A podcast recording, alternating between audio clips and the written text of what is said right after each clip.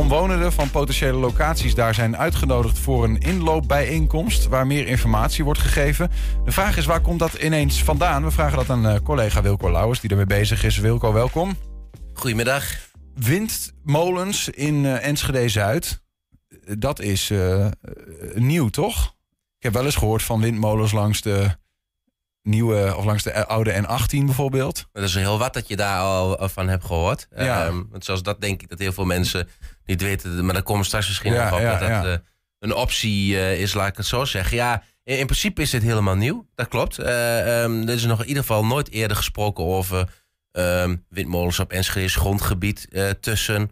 Nou ja, laten we zeggen, je moet een beetje rondom het Rutbeek moet je gaan denken. Hè? Dus, dus die N18 zit iets meer iets meer richting, uh, nou dan moet ik even de kaart van Enschede bijpakken, richting uh, het westen van Enschede. Uh, en um, um, dit, is, dit is echt meer richting zuiden, richting Buurse. Ja. Maar de, want de, het gaat om een er is een informatie bij. Sorry, we zien hier er wordt een, een plaatje. Het wordt ja, die, kan, die kan straks ook nog wel uh, terugkomen hoor. Dus, uh, Oké, okay, ja. daar komen we zo nog op. Nee, maar, want de vraag is een beetje: er wordt een informatiebijeenkomst uh, wordt er belegd met inwoners in, die, nou ja, in, die, in dat gebied. wat betekent dat eigenlijk? Um, nou, dat heb ik gisteren ook gevraagd. Kijk, we hebben wel we hebben de uitnodiging, die kwam, um, zoals dat heet, op ons op onze redactie terecht via via. Mhm. Dit is een uitsnede ervan. Er stonden ook wat uh, telefoonnummers en zo in. Dus die gaan we niet uh, verder hier delen. Uh, dus denk ik, pak even dit stukje eruit. Ja, er is een uitnodiging uitgegaan naar mensen die binnen één kilometer van een potentiële windmolenlocatie wonen. Um, en er wordt ook gepraat over, over slagschaduw en, en, en geluid, het, het uitzicht, participatie en het hele proces eromheen. Dus ik heb gebeld met het bureau, wat, het, wat is organisatie, of wat deze uitnodiging heeft verstuurd. Dat is uh, het consultancybureau. Mm Kracht heet het dan, Kracht Consultancy. En die zeggen, ja, uh, nee, er is helemaal niks zeker uh, over windmolens. Gaan, we willen gewoon met mensen over hebben. Of de mogelijkheden. en, en, en als ze vragen hebben, dan willen wij die beantwoorden. Ja. Maar nou ja, als je dit ziet, ja, dan is het wel iets, iets concreter, zou ik willen zeggen. Want um, dat wordt ook gezegd bij een mogelijke verdere verkenning. Dan worden er wel meer inwoners betrokken. Maar als je het al gaat hebben over slagschaduw en dergelijke, ja, dan, dan weet je wel, uh, denk ik, uh, waar je het over gaat hebben. Zeker, ja, zeker als ook partijen als Windunie erbij gaan zitten bij zo'n bijeenkomst. En dat is namelijk ook zo. NSG Energie en Windunie. En wat, wat, is de, wat is Windunie en wat zijn die twee partijen dan waar je het over hebt? Ja, NSG Energie is de energiecoöperatie van, van Enschede. Hè? Dus, dus die is er vooral op gericht dat als zonneparken en windmolens worden gebouwd... Dus grote duurzame projecten dat uh, omwonenden daar aan kunnen meedoen, zeg maar. Dat ze een deel van de opbrengst krijgen. Dus, kunnen verdienen aan het, de energie die zo'n windmolen oplevert. Ja, verdienen of minder hoeven te betalen voor een rekening. Dat is ja, het eigenlijk meer. Hè? Um, en en uh, dat, is, dat is dus NSG Energie. Windunie is gewoon exploitant van windmolens en windparken. Dat is de, degene die ze bouwt? Ja, zoals Pure Energie dat, dat ook doet. De bouwen niet per se, maar wel de exploitant. Ja, ja precies. Um, wie, wie wist dan precies? Want het is natuurlijk interessant ook omdat er uh, in, door de gemeenteraad uh, wel eens iets is gezegd over windmolens in Enschede en waar die wel en niet zouden moeten komen. Ja. Um, naar mijn weten, zoals we het daarover hadden, ja. was dit gebied in ieder geval niet een gebied dat genoemd werd. Um, wie is de organisator van deze bijeenkomst dan? Om het toch te onderzoeken daar. Ja, dat, dat is. Dat is een mooie. Wie is de organisator van deze bijeenkomst? Uh, um, nou, de, de, de uitnodiging is door Krachtconsultancy uh, verstuurd. Dat is een consultancybureau dat de gemeente helpt met, uh, met een gebiedsproces. Ja, er komen nog meer in ambtelijke taal. Er wordt gewoon onderzocht in het buitengebied, in alle buitengebieden van Enschede, alle buurtschappen. Dus ook Broekheurne, waar we het hier over hebben. Um, dus zeg maar ruwweg, uh, knalhutten tot uh, en oude en 18, dat gebied. Mm -hmm. Ja, daar, daar wordt gekeken naar hoe ziet de toekomst van zo'n buurtschap eruit. Dus uh, wat doe je met, met het grondgebruik? Wat doe je met duurzame energie komt aan orde, maar ook leefbaarheid en sociale cohesie. Maar ja, duurzame energie is daar een belangrijk onderdeel van, omdat Enschede, uh, net als andere gemeenten, hebben een doelstelling. Uh, die is bijvoorbeeld vastgelegd in de regionale energiestrategie, hè, die regionale plannen. Um, dat is een doelstelling. Nou, dat kan natuurlijk niet allemaal in, in, in het stadse gebied gebeuren. Sterker nog, een groot deel zal er buiten moeten zijn. Je kunt wel heel veel daken beleggen, maar je zult ook iets met zonneparken. Om dat te halen met alleen zon en wind hebben we het even over. Zul je ook zonneparken moeten aanleggen en windmolens moeten, moeten bouwen. Mm -hmm. Dus dat landt in het buitengebied. En dus gaan ze per buitengebied kijken van nou wat kunnen jullie hier dragen. wat zouden jullie willen? en en om, om dat ook evenredig te verdelen. Dus niet dat straks vijf zonneparken alleen in Zuid staan en dat, dat ze ehm, bij, bij de Esmarken Noord bijvoorbeeld helemaal niks hebben. Dat is een beetje het idee. Ja, en daar komt dit uit voort, uit dat hele proces. Maar de vraag is, wie heeft dit, deze bijeenkomst belegd? Is dat NSG Energie die er ook bij staat? Nou, die heb ik gisteren gebeld. Louis Koopman, de, de nieuwe voorzitter sinds 1 januari. Um, die heeft de Jon Jans opgevolgd. Louis Koopman was oud-wethouder van Haaksbergen. Dit ook in, had hij ook energie in zijn portefeuille. En, saillant, hij was bestuurlijk trekker van de regionale energiestrategie Twente. Dus hij regelde namens alle Twentse wethouders dat die afspraken werden gemaakt met elkaar over uh, hoeveel windmolens, hoeveel zonneparken, hoeveel gaan we met elkaar opwekken. Dus een beetje vanuit dat beeld. Hij is nu voorzitter van NSG Energie. Mhm. Dus ik zei al toen het bekend werd en in die persbericht stond van uh, um, um, dat er ook dit jaar met windprojecten begonnen zou worden. Het is een beetje uit toltje zo. Maar ik heb je inderdaad op de redactie gezegd: let op, dit jaar gaat het gebeuren. Mhm. We gaan binnenkort zien uh, dat er met windenergie wordt gewerkt. Dus ik uh, Louis Koolman bellen gisteren van goh, die bijeenkomst is binnenkort. En hij zegt: ik weet helemaal van niks. en wij zeggen, jullie logo staat, op, staat wel op de uitnodiging. Nee, nee, nee, er was helemaal niks van van deze bijeenkomst. Later bleek dat, dat een ander bestuurslid hier wel van wist. Dus dat, het blijft een heel vaag verhaal. Ja. het komt in ieder geval uit het hele proces voor dat buitengebied. Maar ook daar is, is er ooit gesproken over windenergie. Er is wel gesproken over een zonnepark van bijna 40 hectare. Waar best wel wat mensen wat op tegen hebben daar in dat gebied. Maar het leek erop dat er toch enige uh, uh, draagvlak voor kwam. Uh, door met elkaar over te praten over de invulling en zo ervan. Maar windenergie, dat is ja, is wel eens een keer zo naar gevraagd.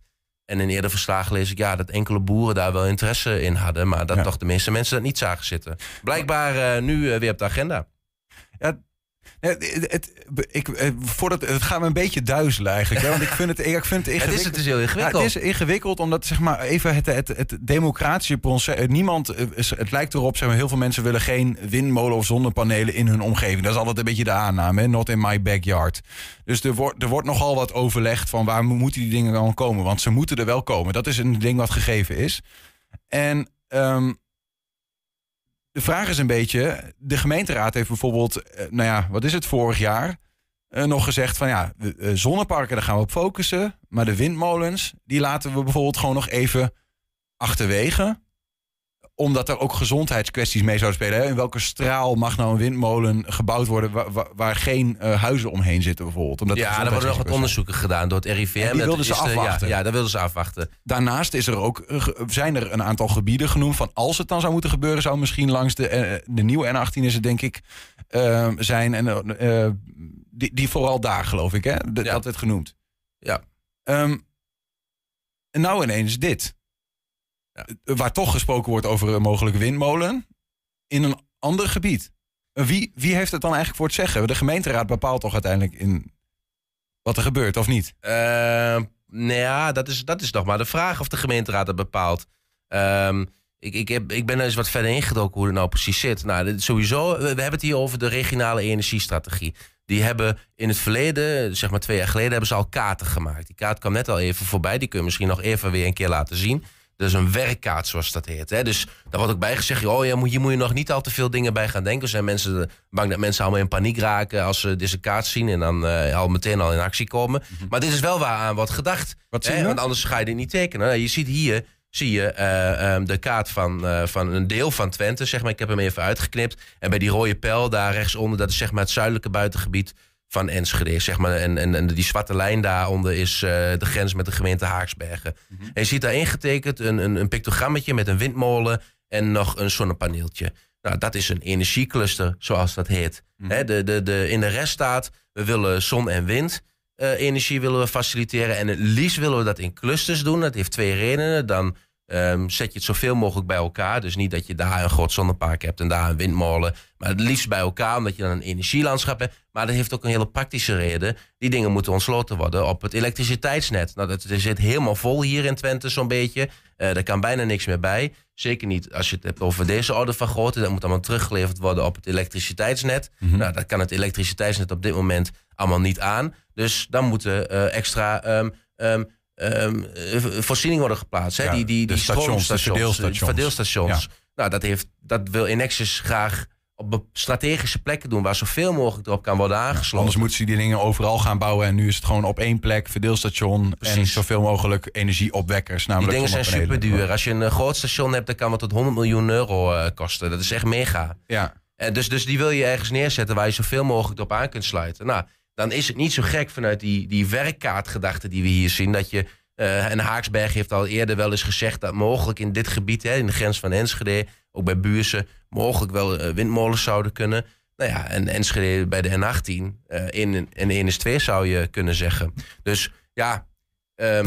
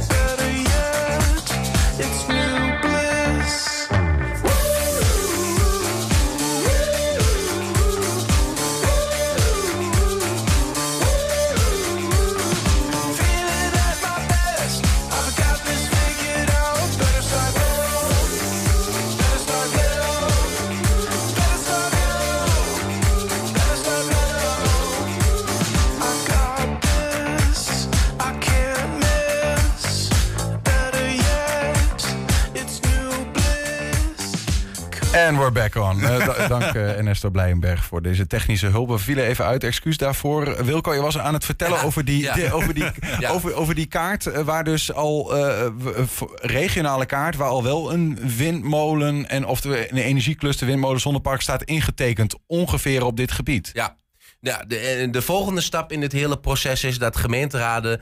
Um, zoekgebieden gaan aanwijzen. Dus ook daadwerkelijk gaan zeggen: dit is een soort denkkaart, hè, een gedachtespinsel. Um, maar dat ze ook daadwerkelijk gaan zeggen: oké, wij gaan in dit soort gebieden, deze gebieden, en dan kunnen ze een paar aanwijzen, gaan wij, uh, willen wij medewerking verlenen aan uh, bijvoorbeeld aan windmolens of aan zonneparken. Nou goed. Um, die, die, die, die gebieden moeten voor 1 juli dit jaar moeten die bij de provincie bekend zijn. Want anders gaat de provincie zeggen: ja we moeten verder met dit proces. Ja. Als die gebieden niet bekend zijn. En Enschede, zoals gezegd, wil de resultaten van het onderzoek afwachten. En de gevolgen daarvan, nou, die zijn er waarschijnlijk deze zomer niet, verwacht ik. Mm -hmm. um, en dan kan het zomaar zijn dat de provincie zegt... ja, uh, Enschede, jullie zijn een van de gemeenten die het niet hebben aangewezen. Nu gaan wij de regie in handen nemen. Dus als er uh, uh, bedrijven zijn die wat willen ontwikkelen... Um, dan gaan wij dat gewoon regelen. En dat mag gewoon. Sterker ja. nog, ik kan het nog mooier maken. Elektriciteitswet. Artikel 9e, lid 1 en 2. Ja. nee, daarin staat, Daar staat. Daarin staat um, dat uh, bij grotere windprojecten, nou ja, wat is grotere? Vanaf 5 megawatt. Dus we hebben het over vanaf windparken tussen haakjes van twee of, al, of drie windmolens. Mag de provincie sowieso al de regie overnemen van de gemeente? Als de gemeenteraad zegt wij willen dit niet, dan mag de provincie zeggen wij vinden dat dit past in het landschap, mm. wij vinden dat dit kan. En dan kunnen ze een zogeheten inpassingsplan maken. Dus een hele procedure zit eraan vast. Maar die kunnen dus al uh, bij meer dan twee windmolens, laat ik het zo even uh, zeggen, kunnen ze al de regie van de gemeente overnemen. Dat kan gewoon volgens de wet.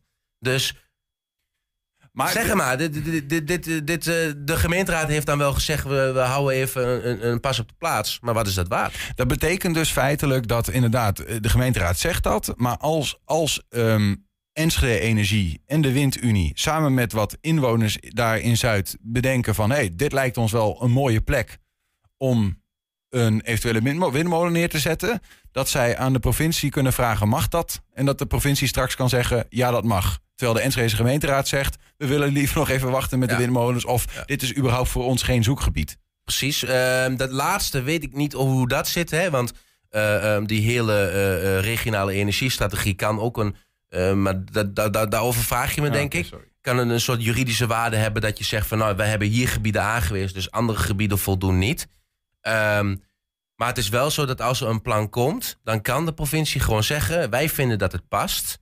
Kijk, en als jij zoekgebieden hebt aangewezen, dan zal de provincie dat ook niet zo heel gauw nee, doen. Minder chic.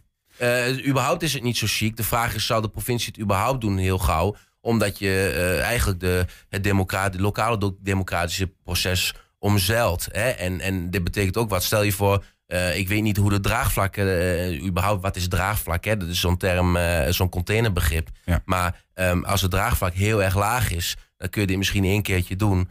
Maar dan weet je zeker dat je allerlei procedures. Want, want het is natuurlijk nou nog geen gelopen race. Ja, Mensen kunnen gewoon een bezwarenprocedure gaan starten, rechtszaken.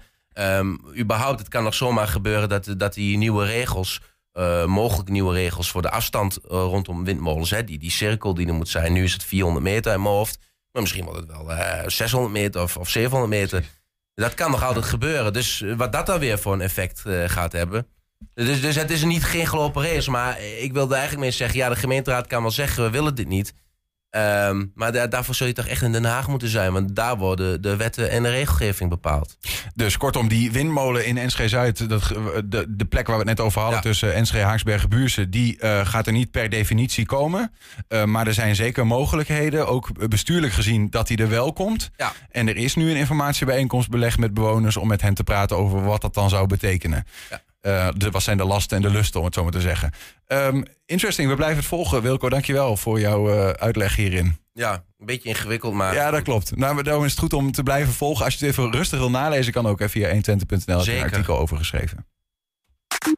We zochten uit waarom we het altijd hebben over een prins carnaval en nooit over een prinses carnaval. Later hoor je daar meer over. 120. 120 vandaag. De Hengeloze gemeenteraad heeft gisteravond tegengestemd om verder onderzoek te doen naar de waarde en het behoud van de stadsjournaals van Frans Rientjes. Het was heel nipt. 17 raadsleden stemden voor, 18 stemden tegen. En Frans eh, hangt aan de telefoon. Frans, goedemiddag. Goedemiddag. Het was een koude douche gisteravond. Ja, zeker te weten. Het was nog wel warm in de, in de, in de zaal. ja, ja. Hey, wat, wat, had je nou uh, precies gevraagd eigenlijk? Om de, wat betekent dit nou concreet? Wat had je gevraagd aan, aan Hengelo? Er is een motiemarkt geweest in oktober en daar kon je uh, verzoeken indienen. Daarvoor had men een budget van 50.000 euro vrijgemaakt. We hebben uh, de stationaals ingediend uit de periode 2000 tot en met 2007. Er waren 30 stationaals van een uur per stuk compleet gemonteerd en van correcte informatie voorzien. En daar zal men nog een 10 uur aan documentaires enzovoort bij krijgen. En dat hebben wij die aanvraag ingediend. Ja. Maar even tussentijd, we zijn al drie jaar bezig om de gemeente te... Drie jaar geleden heb ik al alle politieke partijen en college heb ik dus uh, van jongens, wat doen we met de stationaals? Moeten we verder gaan? Is er interesse? Alleen burgerbelangen met handdaals, die hebben de handschoen opgepakt en ontzettend hun best gedaan. En dat kwam gisteren tot uiting. Hebben ontzettend hun best gedaan om de stationaals onder aandacht te brengen. De jongens, laten niet voorbij gaan. Maar uiteindelijk is het, is, het, is het in ieder geval niet gelukt om die periode waar je het over had, 2000, 2007, dus om er geld voor te krijgen en middelen om dat ding op te slaan ergens. Ja, geld voor te krijgen. We hebben dus uitgerekend wat het ongeveer allemaal gekost heeft, wat ik heb gemaakt, wat mijn medewerkers hebben gemaakt, want ik doe dat niet alleen. Er werken heel veel mensen aan mee. Mm -hmm. Nu ongeveer laten berekenen wat heeft zoiets gekost. Dus uh, het is niet zo uh, dat ik er een auto van kan kopen. Uh, Nee. Of een mooie secretaresse.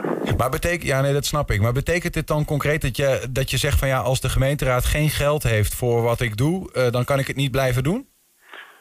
Uh, we hebben uh, de opnamen onmiddellijk stopgezet. Dus voor onbepaalde tijd worden er geen opnamen meer gemaakt. Of de materiaal wat op de plank ligt, of er nog wordt afgewerkt, daar wachten we nog even mee af. Ik heb zelfs begrepen, maar dan moet je me zeggen of dat misschien vanuit de emotie was, maar dat je aan een van mijn collega's hebt gezegd dat je het archief wat je nog hebt misschien wel gaat vernietigen. Die kant zit erin. Eh, kijk, ik heb niet het eeuwige leven en het kan allemaal zo. En om de nabestaanden uh, niet met het hele spul op te zadelen, hebben we gezegd van, uh, mocht ik uh, overlijden, dan wordt alles vernietigd. De, bijna 300 uur aan materiaal. Maar waar is het nu te zien dan? Op Museum Hengelo zijn de opnamen te zien in een beeld- en geluidarchief uit de periode 1969 tot en met 1999. Mm Op de website fransrientjes.nl kun je zien wat de inhoud van de films is, wat er allemaal gemaakt is. En daar staan een paar voorbeelden van films op. Ja. En je, en je had dat geld, uh, wat je vroeg aan de gemeenteraad nodig om überhaupt uh, dat gewoon te kunnen maken. En om, je had een plek nodig waar je het wilde vereeuwigen. Zo moet ik het zien, toch? Nou, we zullen sowieso ben je toe aan nieuw materiaal. Er moeten 4K-camera's komen, nieuwe computers, nieuwe programma's. En de mensen uit die periode hebben gewoon recht op een onkostenvergoeding. Alles heeft uh, voor niks meegewerkt en is wel netjes als je iets wegdoet. Dat mm -hmm. zij ook uh, de zaak vergoed krijgen. En zelf heb je natuurlijk ook de nodige kosten in die periode gemaakt. Ja, waar hebben we het eigenlijk over dan? Wat voor, hoeveel geld had je nodig? We hadden een aanvraag gedaan voor, ik dacht 21 of 22.000 euro. Voor 40 uur compleet materiaal. Waarom eh, doen ze niet mee? Weet je dat? Wat is, de, wat, wat, is de reden dat ze hebben gestemd om dat geld niet naar jou te, aan jou te geven? Ja, van de week zei iemand tegen mij... eh, al, al het geld gaat naar de kunstenmaker zonder een cent talent. Maar ja, daar moet ik natuurlijk voorzichtig mee zijn. Ja, dat is jouw, jouw emotie. Maar, maar wat Nou, nee, is... dat is mij verteld. Maar, eh, Oké, oké. Maar Ja. kan, dat was een mening van iemand. Ja. Maar ik heb zelf de meerjarenbegroting van de gemeente Hengelo gekeken op cultuurgebied. Mhm. Dat is allemaal achter, dat is eh, per jaar 8,5 miljoen euro. Ja, er zit niks bij voor eh cultuurerfgoed. ja, als je ziet, je Enschede heeft hetzelfde probleem met de tetrem. Heel jammer dat het niet doorgaat. Hengelo met de 1200 en de 2200 lokken nu met de stationaals. Ja, men snapt het blijkbaar niet. Te weinig waardering wat jou betreft voor de historie van de stad in dat opzicht. Wat, Ja, ik niet bedoel, alleen, maar ook in Twente had belangstelling om het uit te zenden. Eh, de verzorgings- en verpleeghuizen kunnen er nuttig werk mee doen. Hengelo Promotie had belangstelling. ja. De bibliotheek, nou, ga zo, het museum Hengelo. Het gemeentearchief zou het ook wel willen hebben, maar niemand heeft er wat voor over. Ja, wat moet je dan? is, het, is het nou eh, helemaal gedaan trouwens? Is het, of is er nog een kans dat er... eh, Eh, nou, er zijn nog een paar instanties die misschien belangstelling hebben. Die worden benaderd en anders is het helemaal gedaan. En dan zien we je nergens meer met je camera. Want je kwam op allerlei eh, toonaangevende activiteiten was je. Er komen er nogal wat aan hè, binnenkort. Ja. Eh, de april-mei-staking bijvoorbeeld. Ja. Er wordt groot herdacht. Ja, ik weet het. Er is nog veel meer. Er, er gebeurt er rond de markt. Maar als je ziet wat er in Hengelo gebouwd wordt en veranderd... Dat, dat stond allemaal al op de lijst om te worden opgenomen. Stapels aan ideeën. Maar ja, op een gegeven moment moet je zeggen van... Ja, ga je door. Kost allemaal veel geld, heeft het nut. En dan moet je ja, gewoon een keer spijkers met koppen slaan. Dus eh, kortom, als er geen andere geldschieters komen... dan eh, houdt het op wat betreft eh, de stadsjournaals. Die al 53 jaar hè, werden gemaakt. 54ste jaar ben ik. 54ste jaar. nou Ja, ja. met mijn mensen. Dus straks hebben jullie geen last meer van mij. Heb je geen concurrentie meer. ja, nou, de- de- dat, dat is een bitterzoet ge- bij, bij, bijgebeurtenis wat dat betreft, Frans. Dank voor jouw reactie even hier. En, en sterkte wat dat betreft. Succes om misschien toch nog iets mogelijk te maken. Hou ons op de hoogte. Dat doe ik. Succes jullie verder, hè? Dank, dankjewel. Oké, goedemiddag. Dag. Een aantal moties van de motiemarkt in Hengelo kregen wel genoeg stemmen. Goed om te noemen even. Gaat wel geld naar, ik noem ze even op... de Beckhamse theatervoorstelling over Pastoor Ossen. Stichting Hengelo Leest voor een project dat het lezen onder jongeren moet bevorderen. De energievoorziening van het waterorgel krijgt geld. Een site voor activiteiten van Hengeloze verenigingen... en een basketbalveldje in de Berflo S. Zometeen we vragen aan Damse advocaat Niek Huibers... in hoeverre platforms op internet aansprakelijk... voor de illegale verspreiding van content op dat platform zijn. En we zijn ook als podcast te vinden via alle bekende platforms. Je vindt daar 120 Vandaag of 120 Vandaag uitgelicht. 120. 120 vandaag. De pakjes zijn afgestoft, de bierfusten worden langzaam aangesloten... en de tenten staan bijna allemaal klaar. Carnaval staat op het punt van beginnen. Een belangrijke rol in het carnaval is weggelegd voor de prins... oftewel prins carnaval. Maar veel minder vaak horen we over prinses carnaval. Hoe kan dat eigenlijk? Dat zocht Iris Kuipers uit van Twente FM. Ze is bij ons aangeschoven. Iris, goedemiddag. Goedemiddag. Ehm vi- vier je zelf carnaval eigenlijk? Zeker, heel fanatiek ook altijd gedaan. Oké. Ik eh, zat in Zaanstad bij een damesraad, dus dat was eh, vanaf nou ja, donderdagavond tot dinsdagavond werd de carnaval gevierd. Mhm. Maar ik moet zeggen dat aankomend weekend ga ik alleen morgen even de bruins in, eh, loop ik binnen in eh Saasveld. Ja, ja. En ja. dan is het ook mooi geweest. Maar jij bent wel bekend in ieder geval in wa- wa- wat is een prins? Wat is nou wat, wat gebeurt er allemaal rondom het carnaval? Kun je ons uitleggen wat is eigenlijk de functie van zo'n prins carnaval? Eh, je moet het eigenlijk zo zien. eh, elke vereniging die heeft eigenlijk daar een eigen keuze in. Of het dan een zik of een prins wordt genoemd.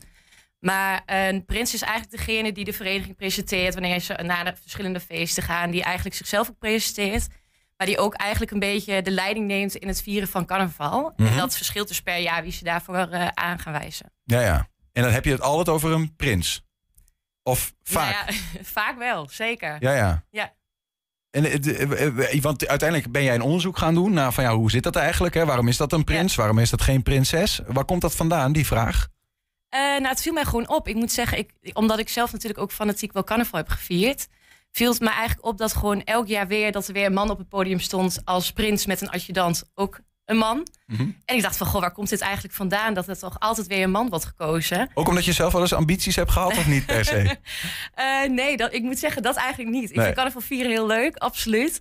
Maar ik denk die rol, ik weet zeker dat de andere meiden dat veel beter kunnen dan dat ik dat kan. Ja. Dus eh dat laat ik graag aan iemand anders over. En eh, uiteindelijk ben je de hort op gegaan. Heb je onderzoek gedaan. Wat, wat heb je precies, hoe heb je het aangepakt?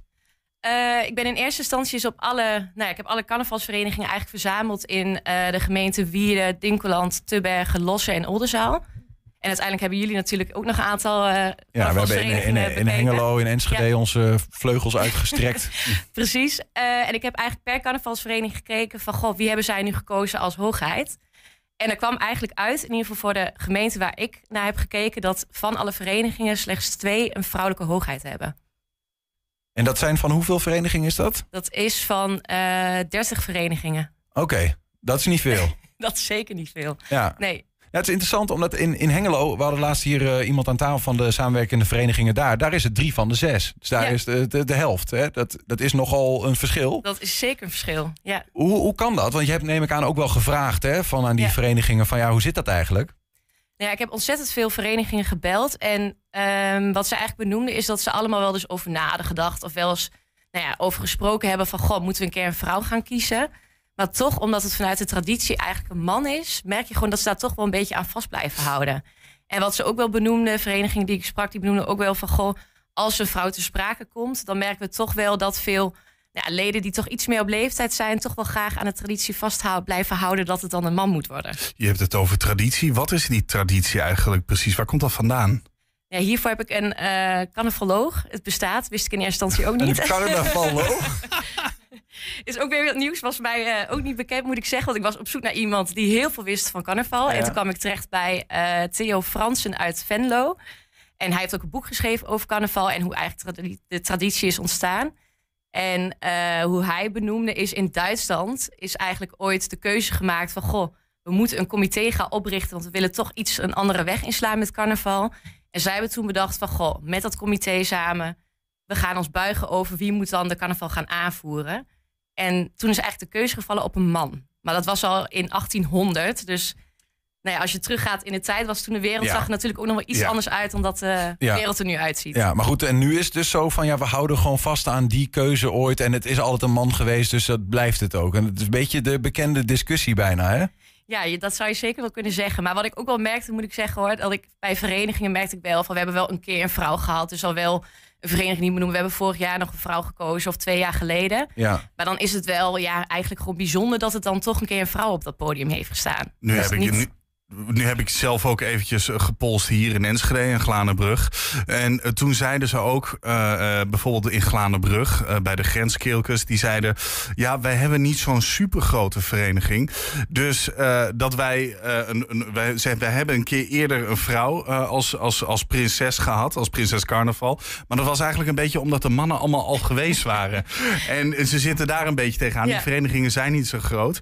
Merk je dat ook, dat de, waar de prinsessen in ieder geval al zijn of zijn geweest, dat het wat kleinere verenigingen zijn? Eh, nou ja, dat niet zozeer. Over het algemeen, waar ik naar heb gekeken, zijn over het algemeen allemaal kleine kernen. Dus dan zijn de verenigingen al niet zo groot dan wanneer je in een oldenzaal gaat kijken. Ehm, maar wel herkenbaar wat jij benoemt, want ik sprak ook iemand van een commissie die dus gaan kiezen wie de hoogheid wordt. Dat zij het ene jaar dat zij dan toch hebben overwogen om misschien een vrouw te gaan kiezen, dat het eigenlijk kwam omdat er, nou ja, stomweg geen mannelijke hoogheden beschikbaar waren. omdat ze eigenlijk niet wisten wie ze nou moesten vragen en de mensen die ze hadden gevraagd, die wilden niet. Ja, ja. ja. Dus toen werd de overweging toch gemaakt van misschien moeten we een keer een vrouw een steek opzetten en als hoogheid eh, gaan presenteren. En dat, we, we hebben het nu even over eh, wanneer een vrouw gekozen wordt. Maar hoe word je eigenlijk ook gekozen? Weet je dat toevallig? Want eh, het lijkt me niet iets wat je zomaar aankomt waaien. Nee, ik heb de vereniging ook gevraagd van goh, wie kiest er binnen jullie vereniging dan uiteindelijk die hoogheid? En daarbinnen vond ik het wel opvallend dat de mensen die dus gaan kiezen of die iemand gaan beoordelen van wie zou hier geschikt voor zijn, dat zijn eigenlijk ook altijd mannen. Waren eigenlijk in ieder geval meer dan helft was sowieso man van de vereniging die ik heb gesproken. En ze kiezen eigenlijk iemand uit die toch een beetje, ja, in ieder geval een fanatieke carnavalvierder is. Dat is toch wel een beetje een vereiste. En iets anders wat zij benoemde is dat ze toch graag iemand, ehm, nou ja, dat podium geven die eh, ook de verenigingen weet te presenteren. En die ook overal, want je gaat natuurlijk als hoogheid ga je mee naar andere feesten in de omgeving. En zorg je er eigenlijk voor dat je toch ook een beetje jouw vereniging presenteert, maar ook jezelf daarin. Dus dat is een beetje een voorwaarde op basis, waar ze op basis van iemand gaan kiezen. Ja, ja. En het moet wel een man zijn. Ja, Tenminste, ja, Ja, hij moet wel iemand zijn die in de traditie Ja. past. Dus eh, zo van, eh, toch, toch daar in die kleine kern in Noordoost-Center hoor je dat veel, dat het, nou Ja. Toch wel een ding is. zeker. Ehm, interesting. Je bent ook nog eh, de, de straat opgegaan in Oldenzaal. Wat, wat heb je precies, eh, wat, wat heb je daar gedaan? Gaan we zo naar kijken? Ja, ik heb eh, een steek op mijn hoofd gezet. Want ik dacht, nou ja, een vrouw met een steek is toch al niet iets wat je heel veel ziet. Je ziet al wel iets met damesraden ook. En ook wel binnen verenigingen dat de jeugd al wel een vrouw met een steek heeft of een prinses. Dus ik dacht, ik ga in Oldenzaal, de carnavalstad, ga ik de straat op. En daar heb ik eigenlijk stomweg mensen gevraagd wat ze ervan zouden vinden als een vrouw met een steek aankomende jaren of dan wel, nou ja, in ieder geval volgend jaar eh, de hoogheid zou zijn. Is de steek je eigen? nee, heb ik mogen lenen van iemand. Laten we snel kijken.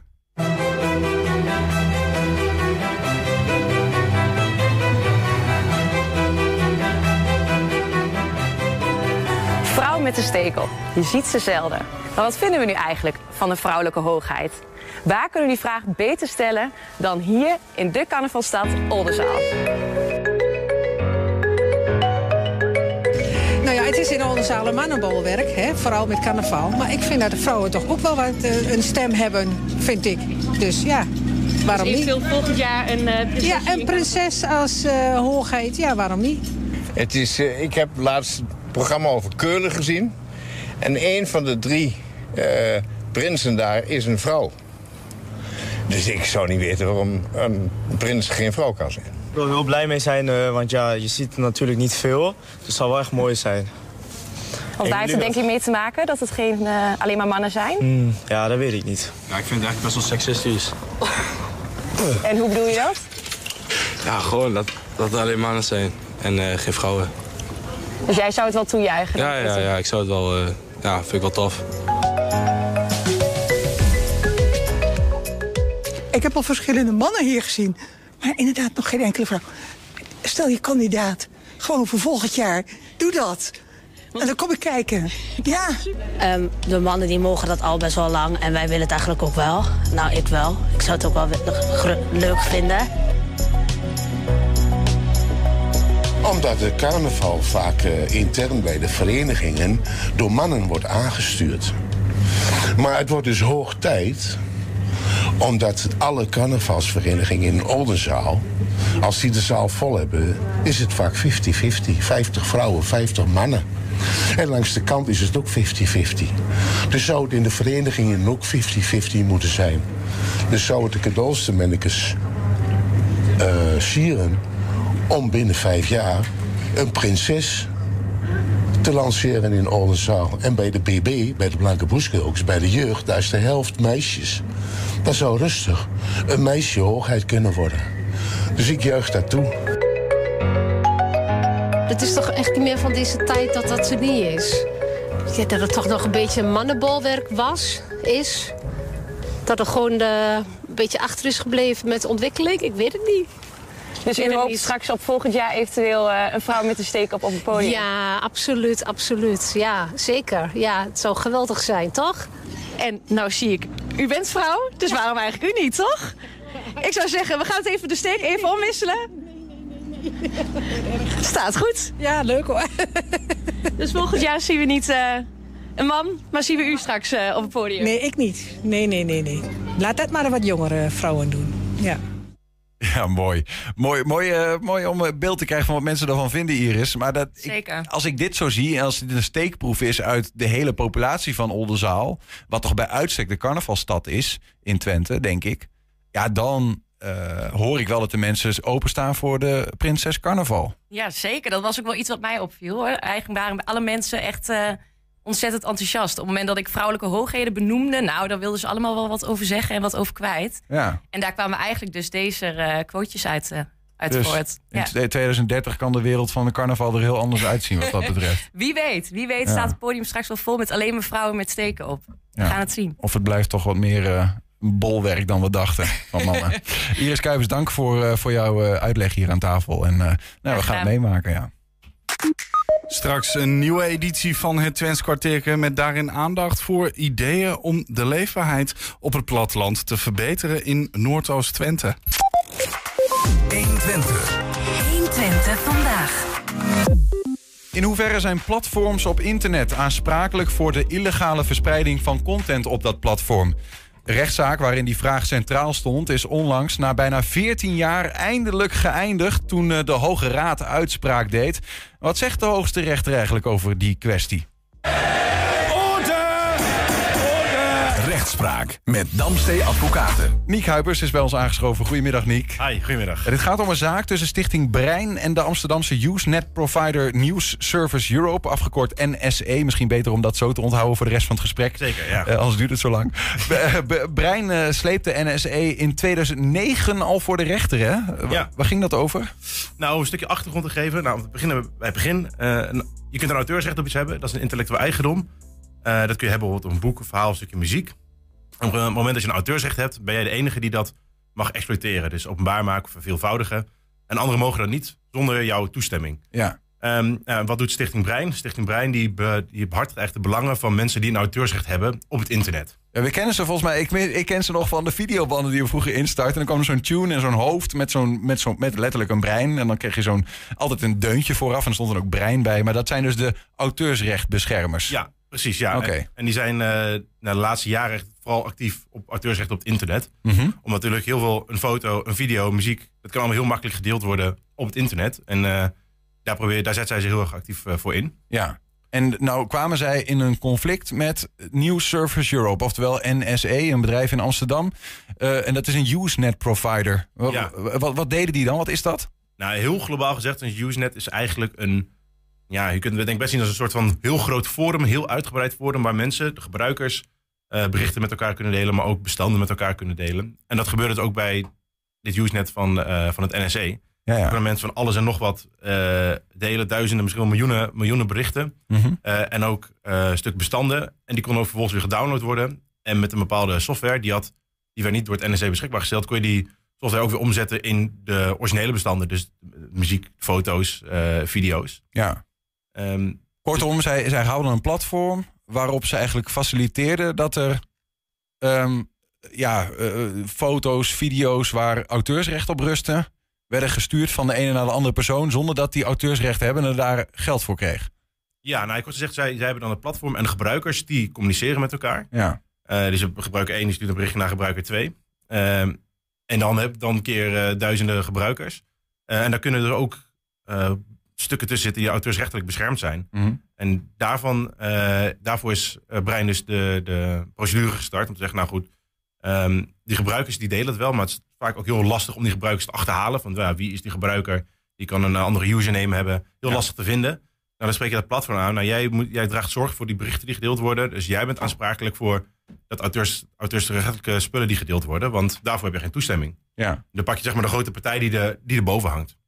En dat heeft Brein dus in 2009 gedaan. Die heeft gezegd, eigenlijk tegen NEC ook gezegd... jij bent aansprakelijk voor die auteursrecht inbreuken. Ja, je- eh, terwijl het uiteindelijk de gebruikers zijn op dat platform die dus die dingen met elkaar delen. Zij ja, hebben alleen maar het platform waarop dat gebeurt. Maar Brein zegt, wij vinden dat jullie aansprakelijk zijn. Dat is eigenlijk de grote vraag die hier dan voor ligt. Ehm, nou is het 2023. Eh, we zijn er bijna 14 jaar verder. Eh, er zijn allerlei eh, procedures tussendoor geweest. Waarom duurt dat zo gruwelijk lang voordat er dan een uitspraak komt waar we straks bij komen? Ja, nou ten eerste, proce- procederen duurt gewoon vaak heel erg lang. En zeker als het wat gecompliceerder is. En nu hebben ze ook nog eigenlijk alle stappen die je kunt nemen, die zijn ook genomen. Ja, dan kom je op een heel lang proces aan. We zijn eerst bij de rechtbank geweest. Nou, toen naar het gerechtshof. Toen naar de Hoge Raad. En toen heeft de Hoge Raad nog eh vragen gesteld aan het Europees Hof.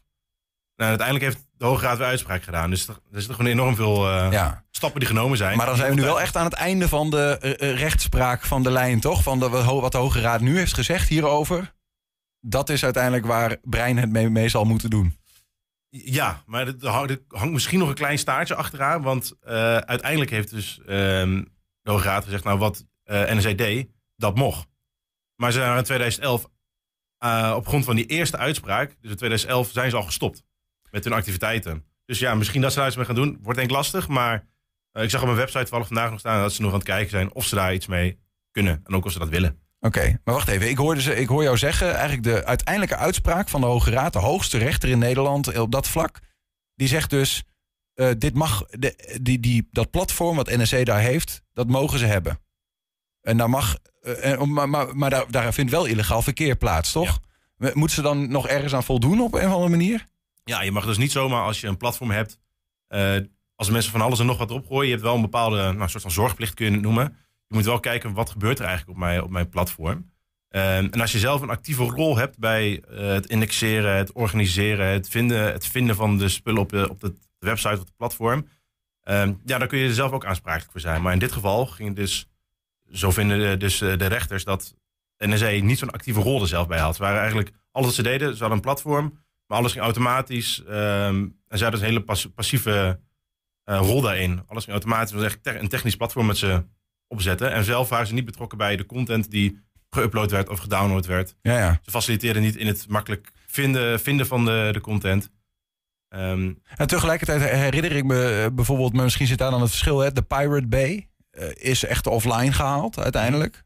Waar ook mensen illegale content konden downloaden. Daar zit wel een verschil dus voor de rechter. Ja, daar zit, daar zit er wel een, een verschil in. En daar, wat daarin gebeurde, is dat gezegd dat eh, de Pirate Bay zelf veel actiever betrokken was bij ehm, het organiseren eigenlijk van die content op een website. Ze zorgden ervoor dat de content makkelijk gevonden kon worden, werd geïndexeerd. Eh, voor mij selecteerden ze zelfs ook deel, gedeeltelijke content. Dus ze hadden een veel actievere rol daarbij. Ja. En daarvoor werd gezegd, nou goed, dat is een mededeling aan het publiek.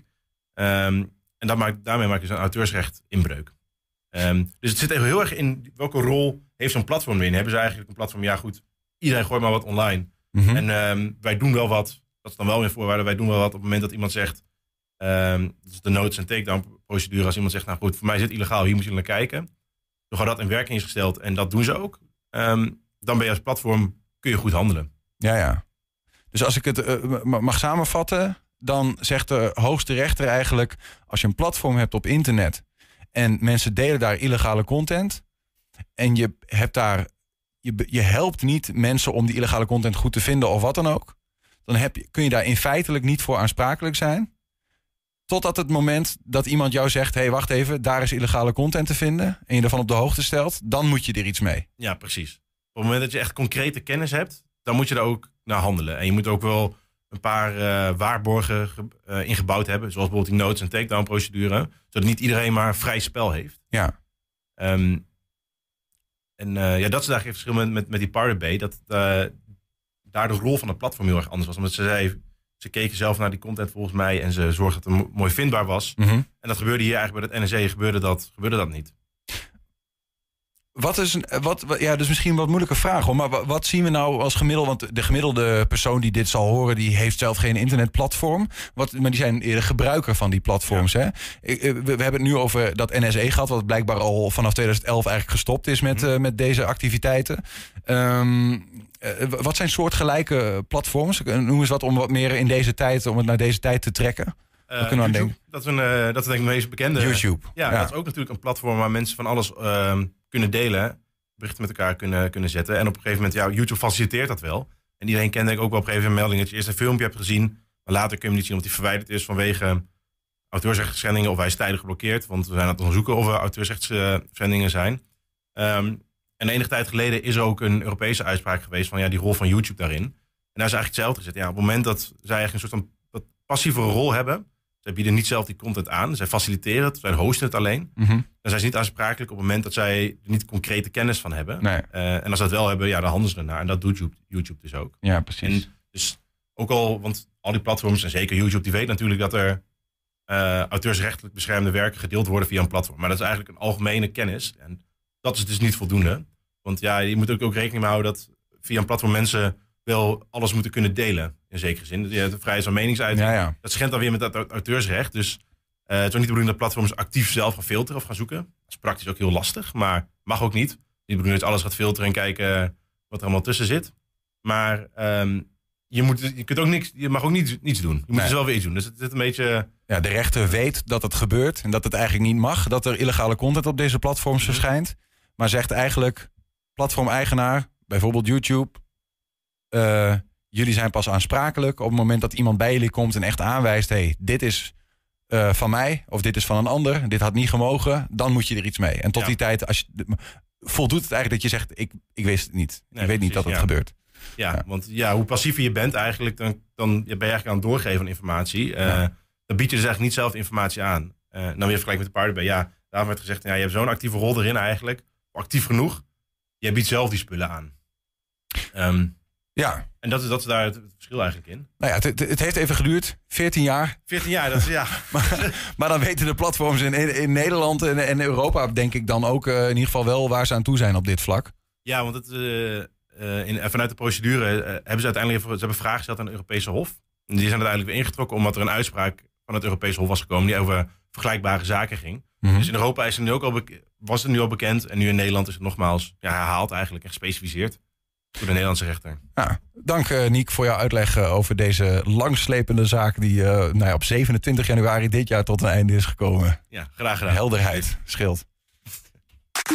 Heb je een tip voor de redactie? Mail dat dan eventjes naar info.120.nl 120. 120 vandaag. Een mooie streektaal, vind ik mooi. Twents kwartierken. Ja, we gaan meteen door met het uh, Twents kwartierken... waarin we Twentse taal leren van juf Adrie. Inmiddels aangeschoven met een gast. En uh, zometeen gaan we verder met uh, hem of haar. Spannend. Nee, we zien we al zitten met... met nou, goed, we gaan zo verder praten met diegene. Maar eerst even terugkijken naar vorige week. Welke Twentse woorden we toen hebben geleerd. Adrie, welkom. Rapiezer. Ik zit heel eventjes te kijken, maar hij, hij doet het toch echt uiteindelijk niet. Maar dat gaan we even proberen op te lossen. Je mag anders nog wel even de andere microfoon pakken. Ja, helemaal goed. Nou, Rapiezer, dat is gitaar. De Kale Kermis, dat was feest in Oud-Marsum. Mm -hmm. Dat is echt de kermis in Oud-Marsum. Uh, en de duurschellen, dat was de deurbel. Ja, en dan ook nog het woord van de week. Ja, dat was grup.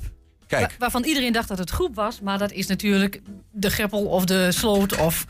Van de regen in de grup. Zo is het. Zoiets. Uh, nou ja, goed, hebben we in ieder geval dat geheugen opgefrist. Je gaat ons uh, nieuwe woorden aanleren. En dat doen we in het Twentskwartier altijd naar aanleiding van een uh, thema. Daarvoor heb je vandaag iemand meegenomen. Um, want ik, misschien goed om dat even in te leiden. Als je een idee hebt om de leefbaarheid op het platteland te verbeteren... dan kun je daar mogelijk geld voor krijgen van de overheid. Maar waar moet zo'n idee nou aan voldoen? En dat is altijd de vraag. En een groep inwoners bepaalt dat. Dat is de zogeheten leadergroep. Um, en Maarten Bomans is bij ons. Hij is coördinator van die groep in Noordoost-Twente. Zo zeg ik dat goed, hè, Maarten? Ja, klopt. Ik ben de leadercoördinator in Noordoost-Twente. Juist. Ja, ja, ja de, en de leadergroep geeft dus uh, overheidssubsidies aan ideeën om de leefbaarheid op het platteland te verbeteren. Ja, ja jij zegt het goed. Leader is een Europees subsidieprogramma voor plattelandsontwikkeling. Waarbij eigenlijk de belangrijkste, of de kern is, de sociaal-economische kant verder ontwikkelen van, van het platteland, zeg maar. En dan uh, ja. zeg jij het goed, de leefbaarheid. Ja, ja. En, en we hebben je ook uitgenodigd specifiek uh, nu, omdat um, nou ja, je moet natuurlijk een soort van de maatstaven waaraan je ideeën toetst, die moeten zo nu en dan worden bijgewerkt. Van voldoet ja. het nog wel, voldoet het niet meer. En ja. de komende tijd ga, ga jij, gaan jullie eigenlijk weer de hort op, de boeren op in Noordoost-Twente, om te kijken van nou, waar moeten nou die ideeën aan gaan voldoen die worden binnengebracht. Ja, want uh, de, de, de, um, de vorige leaderperiode is afgelopen. Die liep van 2014 tot 2022. We staan nu net aan, ja, aan de start van de nieuwe leaderperiode. Die is van 2023 tot en met 2027. Mm -hmm. En um, we werken met een los... Ja, het is allemaal in afkortingen, maar de lokale ontwikkelstrategie. En daar staan de speerpunten in. Mhm. En er moet dus voor die nieuwe periode moeten er, moet er een nieuwe los komen. Dus ook nieuwe speerpunten. En ja. het mooie aan het programma van Leader is het gebied bepaalt ook die speerpunten, zeg maar. Dus ja. we gaan inderdaad de komende weken gaan we op pad met een uh, opvallend rood-oranje voertuig. Een mooie Range Rover hebben we daarvoor. En uh, staan we op een aantal plekken in Noordoost-Twente... Uh, waar we met inwoners in gesprek willen. Van, goh, wat vinden jullie nu belangrijk voor de ontwikkeling van dit gebied? Ja, daar toets je het ook echt aan. Van nou, inwoners, wat willen jullie? En, ja. en vervolgens komen die ideeën binnen... en dan kijk je voldoen die ideeën aan dat doel wat de inwoners voor ogen hebben. Ja. Hè? En er, ja, er is een beoordelingscommissie uiteindelijk die het project goedkeurt of afkeurt, zeg maar. En dat mm -hmm. gaat dus op die uh, uh, speerpunten die er zijn. Maar het mooie is dat uh, in Noordoost-Twente zijn dat ook gewoon heel betrokken burgers uit het gebied. Dus het is ook echt van het gebied, zeg ja, maar. Ja. Je haalt dus op wat het gebied belangrijk vindt. En het wordt ook nog eens getoetst door mensen die in het gebied wonen, zeg maar.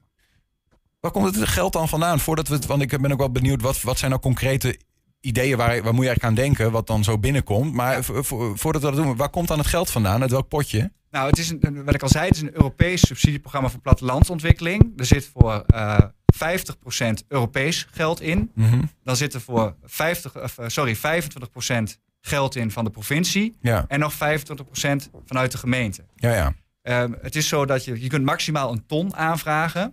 Dus nou ja, als je dan die ton aanvraagt, dan bestaat die ton uit 50.000 euro Europees Euro- geld, ja.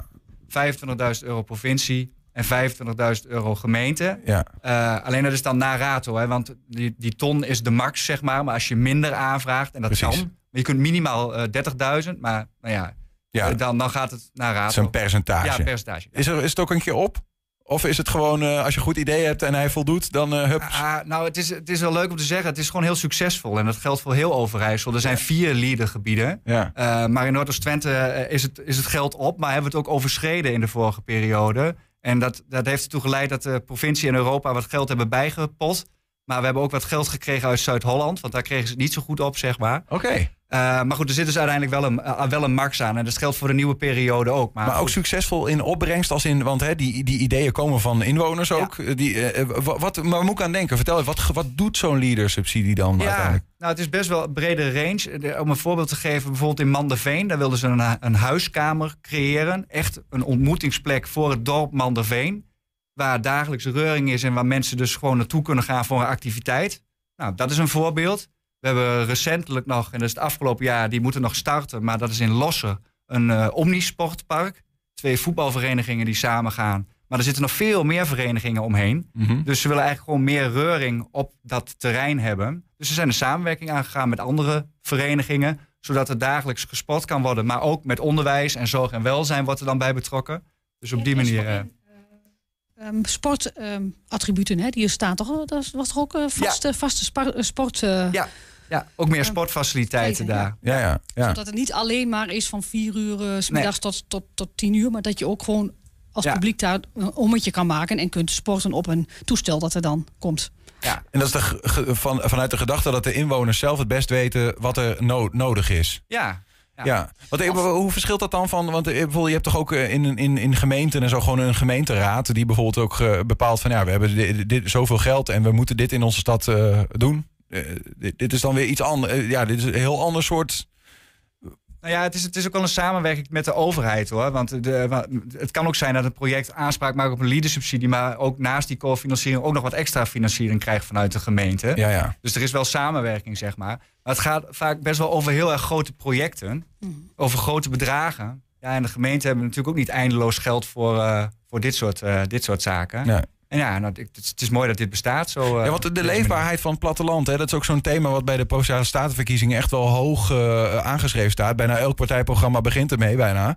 Ehm, eh, en de- waar hebben we het dan eigenlijk over? Hè? De- ja, we- de- ik bedoel, ik ben een in- inwoner van Enschede. Staat die onder druk? Wa- Wat is leefbaarheid van het platteland eigenlijk? heel veel jongeren die wegtrekken als er geen faciliteiten zijn. Dat is een van de, van de dingen. Hè? En, Ja. en, en, ehm, Nou ja, weet je, er komt heel veel op het landelijk gebied af. Eh, er komen heel veel grote opgaven. Hè. Dat is natuurlijk heel erg onzeker hoe het verder gaat, bijvoorbeeld met de landbouw. Eh, maar ja, als al die mensen eh, eh, eh, stoppen of weggaan, of, ja, dan doet dat echt wel iets met de leefbaarheid. Maar ook met een kern die er omheen zit. Want ja, iedereen die in het buitengebied woont, gaat ook naar de supermarkt in het, in het, in het kleine dorpje, zeg maar. En ja.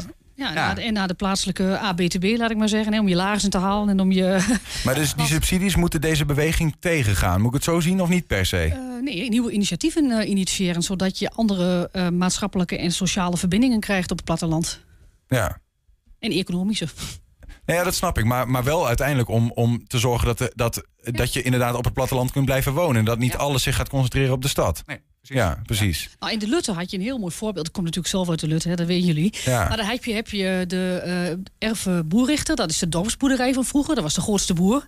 Die ook eh, recht sprak, laat ik maar zeggen. De herenboer in, die, eh, in het dorp. En die had een oude moestuin. Mhm. En die hebben ze weer in luister hersteld. Plus een eh, schuur erbij, eh, waar je een, een soort atelier waar je ook eh, ehm, nou ja, onderwijs kunt geven. Maar die moestuin, die, daar gaat de lagere school naartoe om eh, te, leren over groenten. Vergeet het groenten. Eh, er komt een, een ploeg, die de, de moestuinploeg, die zit anders misschien wel thuis. En daar heb je geen sociale signalering. Als ze er twee weken niet zijn, zeg je, goh, is er nou alweer niet. Wat zou er meer aan de hand zijn met die man? En van die opbrengst ehm, wordt de dagbesteding, eh, daar wordt gekookt op de dagbesteding voor die mensen in die boerderij. En wat er over is, kan ook naar de kerk voor mensen met een kleine beurs. En die krijgen dan die groenten aangeboden. Dus het is een soort, nou ja, Ja. circle of life. Om te zorgen dat de mensen elkaar blijven zien. En eh, dat het niet langzaam, eh, dat iedereen, doordat het wat uitdunt, elkaar uit het oog verliest. Ja, onder andere. Ehm, we moeten verder naar de quiz. Maar misschien nog één ding. Als je nou op dat platteland in Noord-Oostende woont, hoe kunnen mensen dan jullie vinden überhaupt? Zo'n subsidie aanvragen? Eh, nou, we, we hebben een eigen website, leadernoordoostwente.nl. We hebben ook een eigen Facebookpagina en een eigen Instagram. Eh, dus als je daar op, op Facebook of op Instagram even zoekt op eh, Leader Noordoost-Twente. Ja, dat is een dan, Engels eh, woord, hè? Niet Twents. Nee. L-E-A-D-E-R. Ja, het is een Ja. Franse afkorting. Oké. Maar eh, daar ga ik niet over. Ik, ik weet het niet eens uit mijn hoofd. Sorry. Ehm, Maarten, dank voor dit verhaal in ieder geval voor nu. Doe je nog even mee met onze quiz met juf Adrie erbij? Ja, prima. Ja, helemaal goed. Nou, de gouden deur in het plat natuurlijk, hè? Ja, dat gaan we maar proberen. Dan. Ja, ik- kunt, jullie kunt dat waar. Ja, wie Ja, kunt dat steeds We, gaan, we gaan het proberen. We hebben drie Twentse woorden, of eigenlijk vier. En er zijn telkens eh, drie Nederlandse betekenissen. Ja. En één is goor. En ze hebben te maken met het onderwerp. Eh, Oké. Ja, Nifon. Wat dat is wat. Nifon. Is dat A, is dat prutsen? Dat moet je wel zien in de relatie tot geld. Dus prutsen met geld. Dat je Mhm. natuurlijk niet hè, met zo'n eh, subsidie. Is het verbeteren? Ja. Van een niveautje hoger, hè? Nifon. Of is het gelijk maken van nivelleren? Hè, dat je... Daar moest ik wel aan denken toen ik Nivon hoorde. Ja, ik- Hoe goed is jouw Twents, eh, Maarten? Ja, ik ben wel opgegroeid eh, met eh Twents, zeg maar. Mijn ouders en mijn grootouders spraken allemaal Twents met elkaar. Ja. Maar, eh, Maar ken jij dit woord? Nee, dit woord eh, ken Oh, gelukkig maar. Dan, dan is het, blijft het nog een beetje spannend. Eh ja, Julian zit heel bedenkelijk te kijken. Ja, ik denk dat het eh, prutsen is. Maar dat komt omdat ik denk, hey, Ding Kill is aan het Nivon. en een beetje eh, dat, je, dat het gewoon in die zin gebruikt wordt. Ah, moet je de, de Gert van op de hoek, die is aan Nivon. En daarom denk ik dat ik voor A ga. Omdat het, omdat het iets is wat je tegen iemand zou zeggen. Mhm, mhm. Ja. Ik vind het lastig. Ik Ja. ga toch voor mijn gevoel nivelleren. Eh, maar, ja, maar dat zou ook heel raar zijn. Nivelleren schrijf je niet met IE. Ja, maar in Twente doen we Ja, dat is waar. alles anders. hè. Ja, Dus, eh, ik ga gewoon voor gelijk. Maar, maar Maarten, jij? Ik, ik zou ook voor A gaan, voor dat prutsen. Prutsen, oké. Eh, maar op een manier werkt deze quiz zo dat wat ik invul, dat dat wordt ingevuld. Dus nou, Vullen we in C, antwoord gelijk maken. nummer C. Of A. Ja, god, eh. Niels, het, het spit me, donders. Maar eh, ja. Gaan we deze kant weer op? Ah, Maar, eh, Julian, nee, hebt gelijk. ik ben het Nivon West. Ja, ja, je hebt Nou, het gewoon in Den het... eh, Kill Nivel. Op, op naar woord 2. Het woord 2 is in gang zetten. Ja. Ja, wat zal dat nu weer? Is dat in de wacht zetten? Mhm. Dus we gaan een aanvraag in de wacht zetten. Is dat initiëren, dus initiatief vanuit het platteland om nieuwe activiteiten te, ja, te initiëren? Ja. Of is het op een C-spoor? Dit is toch niet moeilijk? Ja, Als, als dit niet. B is, dan eet ik mijn... mijn eh, dit moet ik dit is ook Nou, heel gevaarlijk wat ik nu ga zeggen. Ik, ik, denk, ik denk dus dat het A is in gang zetten, in, in de gang zetten. Iemand moet daar wachten in de gang. Eh, de- de- ik- vind dat ook een hele logische, maar ik zou ook voor B gaan eigenlijk. Maar, maar om een beetje anders te zijn, ga ik dan voor A. ik zeg in gang zetten, initiëren, Maarten. Ja, Ja, daar ben ik eens. Ja. wij gaan voor B. Wij gaan voor B, in. initiëren. Ja, dat is goed. Ja, Oh! ik, ben, ja. ik ben een beetje snel, hè? Want Ja, dit is- heel veel tijd meer Dit, is, dit, is, eh, dit was een makkie. Ja, dus de volgende misschien ook wel, eh, die begrijpen jullie misschien ook wel. Jong Grij. Ah, dat ben ik. Nou, dat, dat, dat, is dat jong geleerd, is oud gedaan? Ja. Ja. Is dat heel gretig? Mhm. Of is dat jonge mensen? Ja, dat is volgens mij gewoon jonge mensen. Ah, dat is jong Grijda. Ja, we hadden een keer eerder slikkergrij. En dat was volgens mij gewoon eh, snoepgoed. Ja. Dus, eh, eh, maar ja, goed, dan denk ik dus van jong spul, jong, jong grij. Jo- Ja. En dan, ja, dan, Ja, dat denk ik ook. dat kan niet anders dan dat het dan jonge mensen zou zijn in dit geval. Ik zie, ik zie Maarten ook knikken, maar Ja, die weet ja, het volgens mij gewoon. Ja, ja, dat denk ik ook. Maar ken je dit, de uitspraak ook echt? Werd het wel eens gezegd? Jong grij, Ja, de, ja jawel. Ja. jong grut. Nou ja, dat Je soort kunt er van alles van maken. hè? Dat Bij vind ik Adrie, ook, maar- eh, is het, is het jonge mensen? We v- vullen Je het hebt het ook helemaal in. gehoord. Ja. Nou, eh, toch nog twee van de drie goed voor mij. Drie van de drie voor Maarten. Maarten. Ja. En twee van de drie voor Julian, die hij, sportief hij is heel veel op platteland te vinden, hè, dus je moet het wel weten natuurlijk. Dat is ook zo, ja. Ehm Adrie, we hebben nog één woord te gaan. Dan gaan we de straat op. En jij hebt dat eh, dit keer gedaan. Kuttelpad. Kartelpad, ja. Vandaag met het woord van de week gaan we niet de boer op, maar gaan we de bouw op. Kijken of de jongens eh, een beetje weten wat een kuttelpad is. Gaan jullie mee? ja, maar zo kunnen we niks. Ik ben naar beneden gekomen. Uh, Ilma, ik, ik zit een Twentse vragen, ik weet niet wat. Je hebt de goede muziek, je hebt de goede muziek bij. Goed hè? Ja. Doe je met het woord van de week? Is een, is een spelletje. Kartelpad. Ja. Ik zal het je even laten zien, hè. Is dat eh sluiproute, is dat beeldnaad of is dat de paddentrek? Ik denk de sluiproute. Wat, wat vind je ervan? Wat denk je? Ja, sluiproute. Sluiproute? Dat denk ik wel. Doe je dat vaak? Ja, de sluiproute nemen? Ja? Waarom daar? Ja, die, die gek, gek weet. Eh, ik denk sluiproute. Ja? Ja? Ja. Ah. Ja. Ja? En waarom denk je dat? Hij is gewoon zo. Ja? Een gok. Gewoon een gok. Ja. Dus jij tijgert altijd over de sluiproute vanuit het café weer naar huis? Nee, ik kom nog in het café. Mag ik niet. Kuttelpad. Kuttelpad. Wat denk je? Het is B, Bilnaad. Ja, en hoezo weet je dat? Nou, dat, eh, ja, dat vind ik van vroeger uit. Dus die gebroek zou nog wel eens? Ja, maar het kan op pad gewoon nog wel langs. Oké. We noteren B. Ja? Oh nee, A. A, oh ja. Nou, ga maar verder dan. Ja? Daar zagen we er maar nog maar een stukje af. Maak alles korter. Wie, ja, wie hebben we nog meer dan? Zeg meneer in het oranje. Hallo, mag ik jou wat vragen? Waarom niet? Ik ben druk. Ja, dat vind ik echt een beetje slap. Nou, die jongens eh, die willen niet, dus kijken of ze hier... Daar komt iemand aan. Wilt u meedoen met het Twentse woord van de week? We gingen niet de boer op, maar de bouw op. Ja? Kuttelpad. Heeft u een idee wat dat betekent? Ik ga voor de sluiproute. Ja? Ja, En zeker. en waarom denkt u dat? Omdat ik denk dat het een eh, wandeling is. Wacht even, de fietser nog. Misschien heeft u er ooit van gehoord. Kuttelpad niet? Wel een microfoon Oeh ja. Ik dacht dus eh sluiproute. Ja? Ja. En waarom denkt u dat? Ja, het kuttelpad dat is eh, een, eh, een afkorting van de gewone route. Ah, Denk nou. ik. Wat we het meest gehoord hebben, dat is eigenlijk A, de sluiproute. Maar is dat ook het goede antwoord? Eh, heren in de studio, wat denken jullie? Ik, ik zou dus denken van wel, maar dan komt in één keer die man op die bouw, die ene die heel eh, zelfverzekerd ook zegt: nee, het is bilnaad en dat weet ik van vroeger uit. En je hebt- het is ook eh, het keutelpad. Ik, ik zal hem maar Als je geloven. een paar keutels in je bilnaad nog hebt hangen, dan kan je dat zo ja, dan voorstellen kan dat het, het dan kan het, keutelpad bewandelen. Maar je kan ook bijvoorbeeld een, een, een grasveldje hebben met daar hondenpoep. Dat je daar zeg maar een, doorheen wil lopen. Dat is niet volgens de normale paden. Ja, ja, ik weet ook niet wat een kuttel is, maar... ehm, Echt niet? nee, nee. De kuttel. Nee, Is dat het- geen idee. Dat is, Is het een grapje? Ja, nee. Ik, ik heb geen idee ook niet wat het betekent, Oh, dat, is, dat een keutel. Dat is een keutel. Ja. Nou ja, dan bij deze weet ik het Dat antwoord. kon ik alleen maar vermoeden. Maar dan denk ik inderdaad dat het toch de sluiproute is... waar de keutels liggen, waar je normaal eigenlijk niet langs gaat.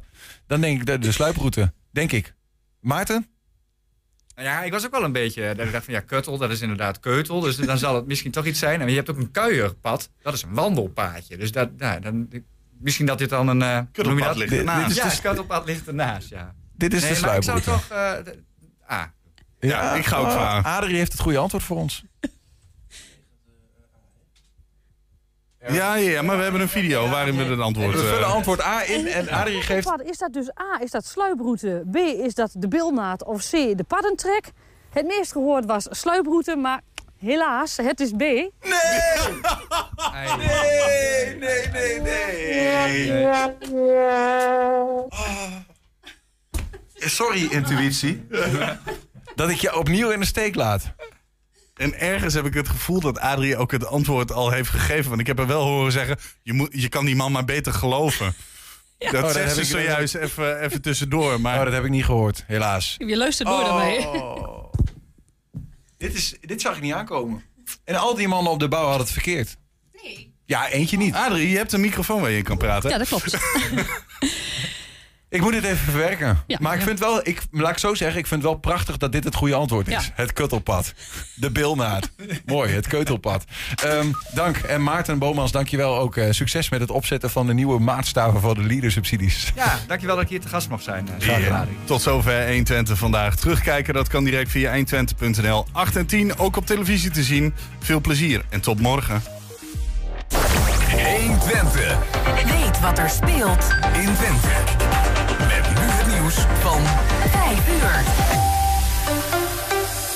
Ik ben Ingrid Anne Broersen. Goedemiddag. Op de kolencentrale in Amsterdam zijn afgelopen dinsdag een paar minuten extreemrechtse teksten te zien geweest. Dat meldt het Parool. Het waren projecties en die komen steeds vaker voor. Vorige week ook op het Anne Frankhuis en tijdens Oud en Nieuw op de Erasmusbrug in Rotterdam. Minister Yezilgus heeft alle reddingswerkers die vanmiddag teruggekomen zijn uit Turkije bedankt voor hun inzet. Ze zei dat ze zoveel verschil hebben kunnen maken in mensenlevens.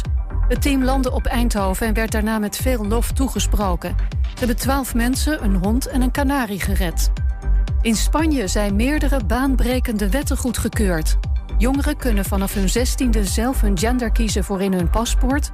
Meisjes kunnen abortus krijgen zonder instemming van hun ouders. En vrouwen hebben recht op menstruatieverlof. De wetten komen van de radicaal linkse partij Podemos die in de coalitie zit. Philips en het moederbedrijf van Douwe Egberts zijn om humanitaire redenen nog steeds actief in Rusland, zeggen de topmannen. Ze waren door de Tweede Kamer gevraagd om uitleg te geven. Meerdere partijen vinden het een verkeerd signaal vanwege de oorlog in Oekraïne. Maar de topmannen zeggen: Russen hebben ook recht op medische apparaten en koffie. En dan het weer van Weer Online. Het is bewolkt en er kan wat lichte regen vallen. Morgen wisselvallig en een stevige wind bij ongeveer 13 graden. En tot zover het ANP-nieuws. Mam, mama, ik moet plassen. We zijn bijna bij Willemse Toiletten. Daar kun je veilig naar een schoon toilet en je handen wassen. Willemsen Toiletten. Het openbaar toilet in de binnenstad van Enschede. Voor een hygiënisch en plezierig bezoek vindt u in de